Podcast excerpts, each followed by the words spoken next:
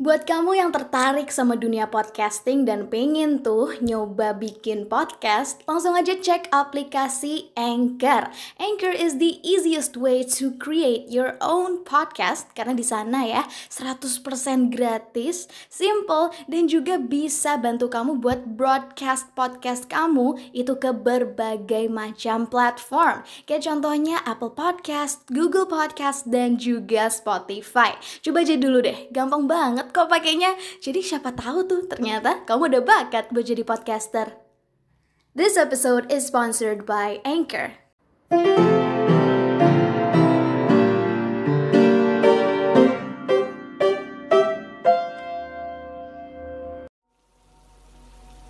Pendengaran kamu benar, what you're hearing now is pouring rain, tetes-tetes air yang turun dengan deras.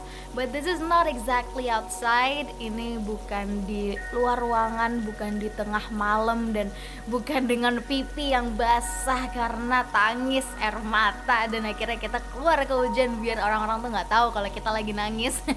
this is not that. This is di shower Think about yourself di dalam kamar mandi, di bawah shower, airnya nggak dingin, airnya nggak panas, it's just the exact perfect suhu.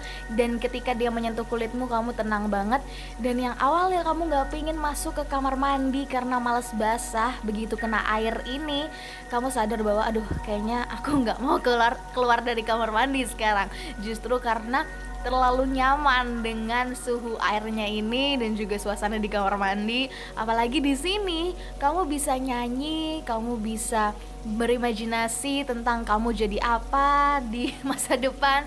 Kamu juga bisa membayangkan gimana ya kalau misalnya dulu pas putus sama mantan aku aku instead of ngata ngatain dia atau marah karena dia nggak menuin janjinya sama aku malah aku minta maaf. Gimana ceritanya ya? Mungkin apakah hal-hal akan berubah kalau misalnya aku bukan yang nggak terima tapi justru nerima dan minta maaf karena memang I'm a bad person untuk dia?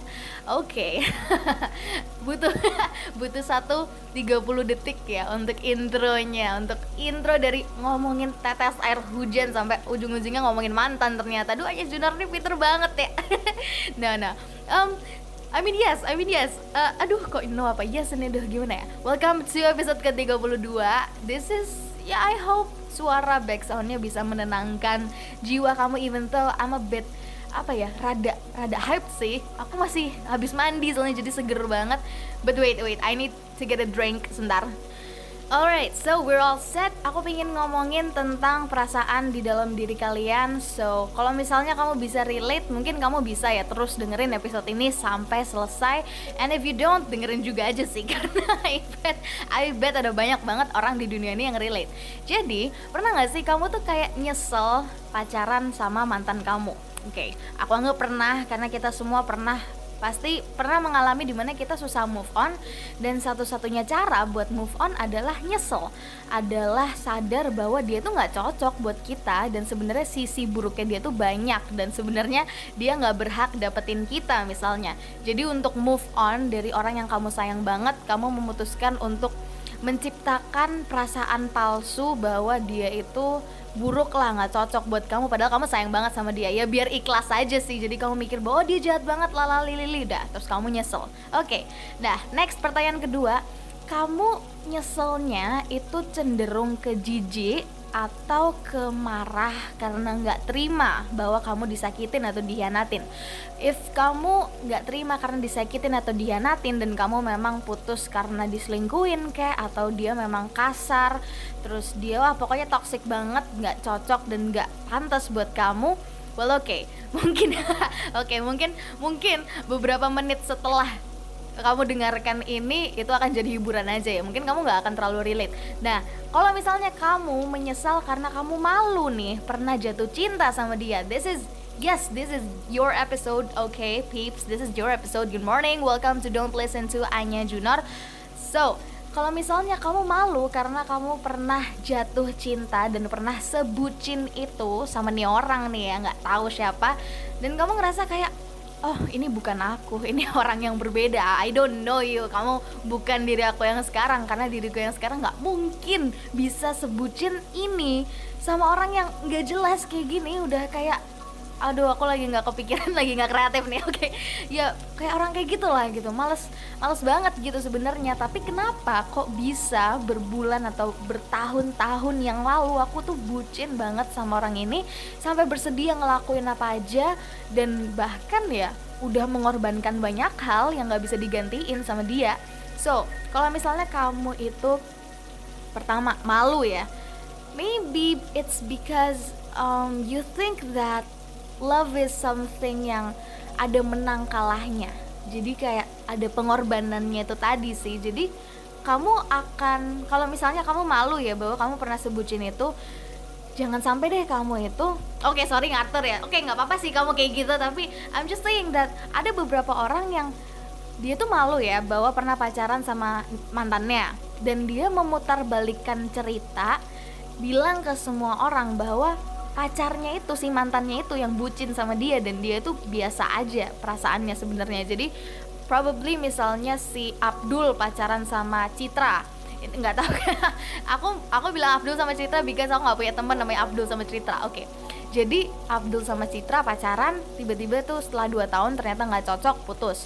Si Abdul ini sebenarnya so sweet banget dia tipikal cowok yang bakal beliin kamu makanan tengah malam kalau misalnya kamu ngomong kamu itu dilep terus setelah putus dia ini malu bahwa dia pernah ngelakuin semua itu untuk Citra. Malah dia memutar balikan fakta bilang bahwa Citra ini mau ngapain aja aku suruh tuh pasti dilakuin. Dan memang iya sih kenyataannya kayak gitu. Cuma dia tuh menutup-nutupi fakta bahwa dia juga sama bucinnya dengan Citra.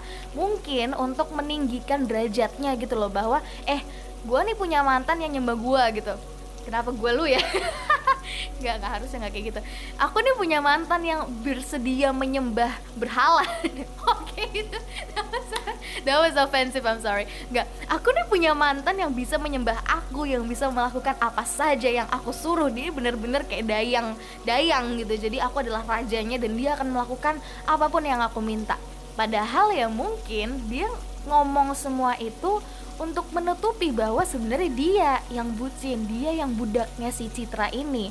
Nah, kalau menurutku ya di dalam sebuah hubungan itu hampir gak bisa ada yang dominan tuh eh, no way, no way ada yang dominan terus kayak ini yang bucin terus ini yang pasif atau ini dominan ini submisif I don't think so. Itu cuma beda cara mencintai aja beda cara menyayangi. Jadi misalnya kamu ngerasa kamu submisif karena pacar kamu sering ngasih hadiah.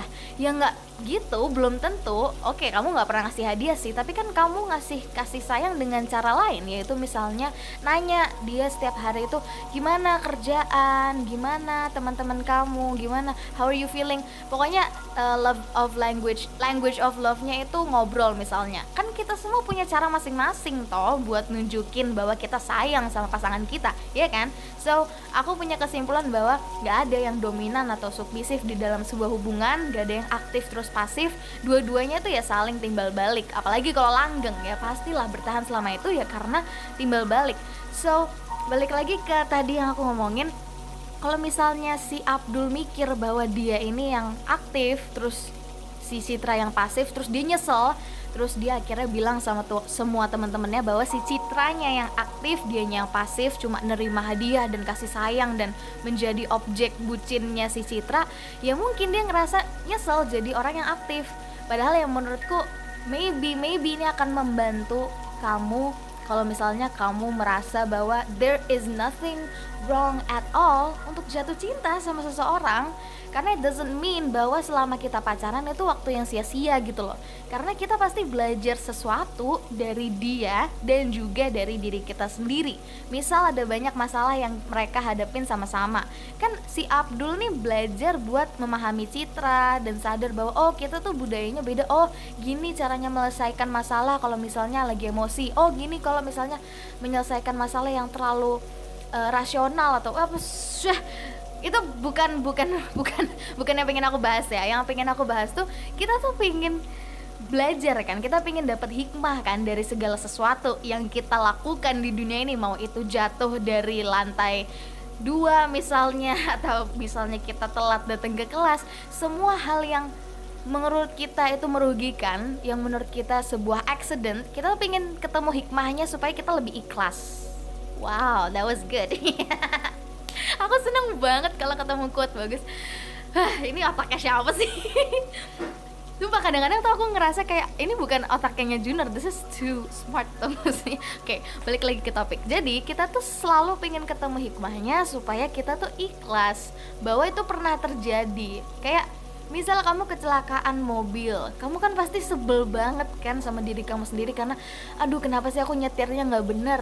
Terus kamu ternyata ketemu hikmahnya bahwa dengan kecelakaan ini kamu jadi belajar ini ini ini ini atau hubungan kamu dengan uh, orang yang kamu sayang jadi lebih dekat atau kamu jadi ketemu tuh teman-teman yang tulus dan setia dan mau bantuin saat kamu susah tuh siapa aja ya kan? Kita bakal selalu berusaha cari hikmah untuk ikhlas sama sesuatu yang menurut kita tuh merugikan. Kalau misalnya kamu nggak ketemu hikmah dari pacaran sama mantan kamu nih yaitu ujung-ujungnya jadi benci. Jadi benci dan lebih parah lagi yang menurutku setelah benci itu jijik. Wah jijik itu level 2 sebenarnya bukan jijik dulu baru benci. Benci dulu baru jijik suar kalau misalnya kamu udah benci sama mantan kamu eh salah. Kalau kamu udah benci sama mantan kamu nih terus habis gitu kamu jijik sama diri kamu sendiri karena pernah sayang sama nih orang wah kacau. Ini berarti kamu udah nggak terima sama karakter kamu sekarang. Itu sebenarnya nggak apa-apa loh karena it's sweet. Oke okay, sekarang aku udah I hope dari 10 menit ini aku udah point out my points. Ya point out my points ya bener. Oke. Okay. yang aku pengen bilang nih gini misalnya kamu dideketin sama orang ya anggap aja kamu dideketin sama orang yang sebenarnya oke okay, dan kamu bisa naksir sama dia dan bahkan kamu memang sudah tertarik sama dia. Terus kamu go on a date tiba-tiba dia itu cerita wah membuka diri itu iya yeah, udah mulai curhat ke kamu cerita tentang mantannya. Eh dia malah ngejelekin mantannya. Dia malah bilang bahwa wah mantannya tuh kacau banget jahat gini-gini gitu-gitu. Dan di dalam hati kamu ya kamu bisa paham kenapa mantan mantannya gebetan kamu tuh ngerasa kayak gitu. Walaupun kamu memang ya ikut kepengaruh sih sama ceritanya. Karena pasti orang yang ceritain mantannya itu apa ya ada nggak sih nggak pasti sih. Tapi aku aku ngerasa kayak orang-orang kalau nyeritain tentang mantannya dia itu pasti framing. Pasti akan membentuk sebuah kesimpulan yang bilang bahwa uh, dia itu nggak salah. Kalau bukan nggak salah dia itu bukan satu-satunya orang yang salah. Pokoknya wah kalau udah ngejelekin mantan it's normal. Tapi kalau kamu udah ngejelekin di depan orang lain nah itu masalah. Jadi kamu nggak apa-apa. Aku di sini oke. Okay, ini ya garis besar dari episode ini. Kamu nggak apa-apa benci sama mantan kamu but don't do it in front of people. Dan terutama don't do it in front of hubunganmu selanjutnya. Oke okay. gebetan gebetan maksudnya. Jangan ngejelekin mantan kamu depan gebetan kamu. Dia tuh nggak akan ngerasa lebih santai nggak akan ngerasa wah aku hebat nih karena mantannya sifatnya gini gini gini. Aku sedangkan aku orangnya baik pinter segala macam no justru kamu cerita yang jelek tentang mantan kamu kita tuh jadi mikir lagi tau nggak? Eh gimana kalau nanti kita jadian terus gak habis gitu kamu malah jelekin aku setelah kita putus ya kan? Karena menurutku ya dengan blaming itu kayak kamu nggak mau own up to your mistake dan kayak nggak mau tanggung jawab sama apa yang terjadi di dalam hubungan kalian. Padahal satu hubungan itu yang ngejalanin dua orang nggak bisa kalau cuma mantan kamu yang berusaha atau cuma kamu yang berusaha. Pasti semua orang tuh punya porsi kesalahannya masing-masing which is why ya which is why kalian putus. Aku ya mungkin mungkin ada gini gini beda kasus ya banyak banyak banget sih sebenarnya konteksnya ya. Mungkin kamu ada yang beberapa dari kamu yang nggak terima karena ah enggak aku diselingkuin udah jelas-jelas dia yang salah. Tapi kalau dipikir-pikir lagi kalau dari perspektifnya dia ya dia tuh selingkuh karena kamu tuh nggak memenuhi ekspektasinya dia. Kamu tuh nggak bisa menuin kebutuhan-kebutuhannya dia makanya dia selingkuh. Tapi nih kalau menurut Anya Junor yang bisa melihat dari perspektif neither one ya dari atas nih menurutku semuanya tuh bener-bener tentang frekuensi aja. Bener-bener tentang kontrak bener-bener tentang takdir bener-bener tentang intuisi perasaan. Jadi kalau kalau dia selingkuh ya udah ini udah selesai waktunya. Jangan pernah kamu ngerasa kayak kamu kehilangan dia karena kamu gak berhak pacaran sama orang yang suka ngehianatin kamu sumpah. Jadi bersyukurlah karena kamu sadar bahwa dia itu selingkuh. Oke balik lagi ke topik. Pokoknya banyak banget alasan orang buat putus ya kan? Tapi menurutku tetap aja pasti dua pihak itu punya porsi kesalahannya masing-masing. Terserah kamu lah mau mikir siapa yang porsi kesalahannya lebih besar. Pokoknya intinya kadang-kadang untuk move on itu kita butuh benci sama dia karena kita awalnya sayang banget kan. Kita belum ikhlas kita harus melepaskan tapi karena dia udah sama cewek lain misal. Ya udah akhirnya kamu berusaha benci dia berusaha nyari sifat buruknya dan akhirnya kamu jijik tuh sama diri kamu sendiri yang hmm, pernah bucin sama dia. Padahal nih kalau kamu kalau kamu menjadi orang yang netral kalau kamu jadi orang yang dewasa dan mau bilang bahwa oke okay, gini gini dulu ya hubunganku sama mantanku tuh bla bla bla bla bla. Aku tuh salahnya karena aku tuh nggak tegas tentang apa yang aku mau. Jadi aku tuh ngode terus. Sedangkan dia ini orangnya nggak peka. Jadi nggak ketemu kan kita. Kira kita putus. Nah gitu kan lebih enak didengar ya. Jadi kita tuh tahu perspektifnya si Abdul dan juga perspektifnya si Citra gitu. Jadi dua-duanya tuh punya porsi kesalahan masing-masing putus karena udah nggak cocok dan it's okay. Karena putus nyambung eh putus nyambung putus putus terus jadian dan segala hal tentang cinta people come and go that's normal. Putus tuh hal yang biasa. Yang nggak biasa tuh makan bakso pakai sumpit oke okay? jadi kalau misalnya kamu putus sama seseorang nggak perlu banget kok ngejelekin dia dan bilang sama seluruh dunia bahwa ini bukan salahku kita putus karena dia yang merusak hubungan kita. Aduh nggak perlu nggak perlu nggak perlu. Apalagi di depan gebetan kamu please. Itu bikin ill feel banget. Mendingan kamu uh, bilang bahwa aku belajar banyak dari mantanku dan aku pingin ngubah itu semua dan aku pengen introspeksi aku pengen memperbaiki sikapku dan aku mau memperbaiki itu sama kamu. Waduh itu so sweet sih. Nggak sih itu nggak so sweet itu fiktif. Kayaknya nggak ada deh orang kayak gitu. Oke kalau ada alhamdulillah sih. Itu kamu beruntung banget kalau kenal sama orang kayak gitu ya. Oke jadi intinya ya ngerti lah maksudku ya. You know nggak tahu sih ini 16 menit. I hope it makes a lot of sense. Aku seneng sih di season 2 ini karena jadi lebih nyeplas nyeplos. I love it so much. Karena semangat juga. Oke okay, itu aja sih. Oke okay, thank you for listening to this episode. See you on the next one. Kita matiin dulu showernya ya. Karena udah keriput keriput nih. Si ujung-ujung jarinya tuh. Bye bye